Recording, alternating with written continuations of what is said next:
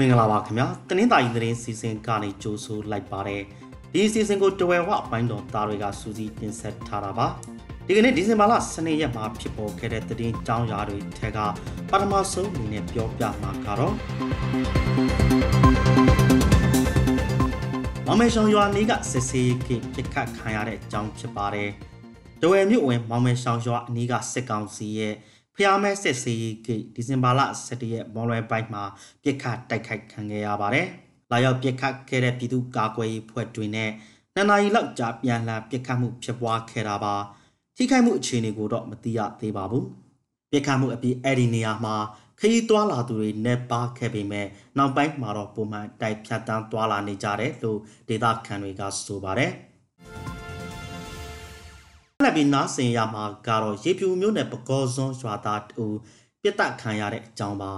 ရေပြူမျိုးနဲ့ပကောစွန်းရွာသားအသက်40လောက်ရှိတဲ့ဦးနေလင်းဦးဟာဒီဇင်ဘာလ12ရက်မနေ့8နာရီလောက်မှာပြစ်ခတ်ခံရပြီးသေဆုံးသွားပါတယ် တနသမားလေးဦးကနေအေကိုစိုက်ကယ်နဲ့ရှောက်လာပြီးပြစ်ခတ်ထွက်ပြေးသွားတာဖြစ်တယ်လို့ဒေတာခန်တွေကပြောပါတယ်ဦးနေလင်းဦးဟာရေပြူမျိုးနဲ့ကင်းရွာသားဖြစ်ပါတယ်ပကောစွန်းရွာသူနဲ့အိတ်ထောင်ကြပြီးအဲ့ဒီရွာမှာနေထိုင်သူတူပါ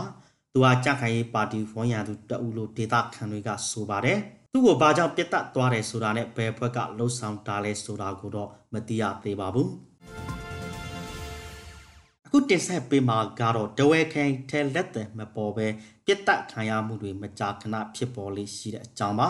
ဒဝဲခိုင်ထဲမှာပြစ်ခတ်တပ်ဖြတ်မှုတွေကြောင့်တိတ်ဆိုးတာတွေမှာဘယ်သူဘယ်ဖွဲ့ကလှုပ်ဆောင်မှမသိရတဲ့ဖြစ်စဉ်တွေမကြာခဏတွေ့ရလေးရှိပါတယ်စနေမာလာကနေအော်တိုဘာလအတွင်းအဲ့ဒီဖြစ်စဉ်မျိုးတဝဲခိုင်မှာလေးကြိမ်တည်းမနေ့ဖြစ်ပွားခဲ့ပါတယ်။ဒီဇင်ဘာလ9ရက်ကလောင်းလိုမျိုးနဲ့ချောင်းဖြားကြီးကျွောအုပ်ချုပ်ရေးမှုဥညိုအေပြတ်တက်ခံရမှု နိုဝင်ဘာလ23ရက်ကလောင်းလိုမျိုးနဲ့ညင်းမော်ရွာသူဒေါ်မေတိတ်အတက်ခံရမှုနိုဝင်ဘာလ9ရက်ကဒဝဲမြို့ဘုံမော်ရှက်ကွက်နေပြည်သူ့ကာကွယ်ရေးအဖွဲ့ဝင်တဦးရဲ့ဖခင်ဦးကြည်လွင်အတက်ခံရမှုစနေမာလ23ရက်ကလောင်းလုံမြို့နယ်ကထောင်းလီကျေးရွာအုပ်ချုပ်ရေးမှူးဦးအောင်လွင်တပ်ခံရမှုစားတဲ့ဖြစ်စဉ်တွေမှာဘယ်သူဘယ်အဖွဲ့ကလှုံ့ဆော်တယ်ဆိုတာထုတ်ပြန်တာမျိုးမတွေ့ရပါဘူး စစ်ကောင်စီနဲ့လက်အောက်ခံဖွဲ့တွေရဲ့ပြစ်ခတ်မှုကြောင့်တနင်္သာရီတိုင်းတွင်းကတေဆိုးတာတွေနဲ့ပတ်သက်ပြီးထုတ်ပြန်လေးမရှိပါဘူးပြည်သူ့ကာကွယ်ရေးအဖွဲ့တွေဖက်ကတော့အခါအားလျော်စွာထုတ်ပြန်တာသူတို့မဟုတ်ရင်မဟုတ်တဲ့အကြောင်းရှင်းလင်းတာတွေရှိပါတယ်။အထက်ကဖြစ်စဉ်တွေမှာတော့ဘယ်သူကလှုပ်ဆောင်တယ်ဆိုတာထုတ်ပြန်တာမျိုးမရှိဘဲအတိမပြုတ်နိုင်တဲ့ data ခံတွေရဲ့ထင်မြင်ယူဆချက်တွေကိုသာတွေ့ရပါတယ်။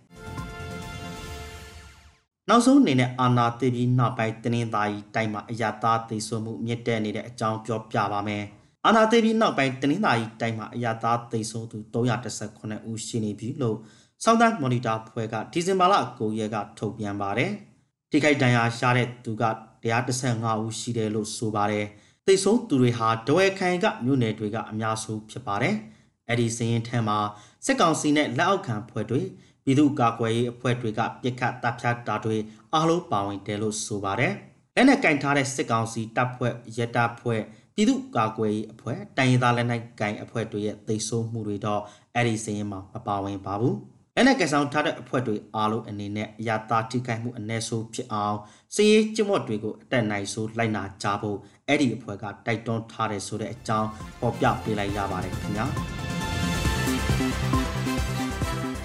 ခုလိုနားဆင်ပေးခဲ့တဲ့အတွက်ကျေးဇူးအထူးတင်ရှိပါတယ်ခင်ဗျာမြန်မာနိုင်ငံသူနိုင်ငံသားများကပ်ပေးပေါင်းကနေအမြန်ဆုံးလွန်မြောက်နိုင်ပါစေလို့တဝဲဝဘိုင်းတော်သားများကစုမုံတောင်းတောင်းအပ်ပါတယ်ခင်ဗျာ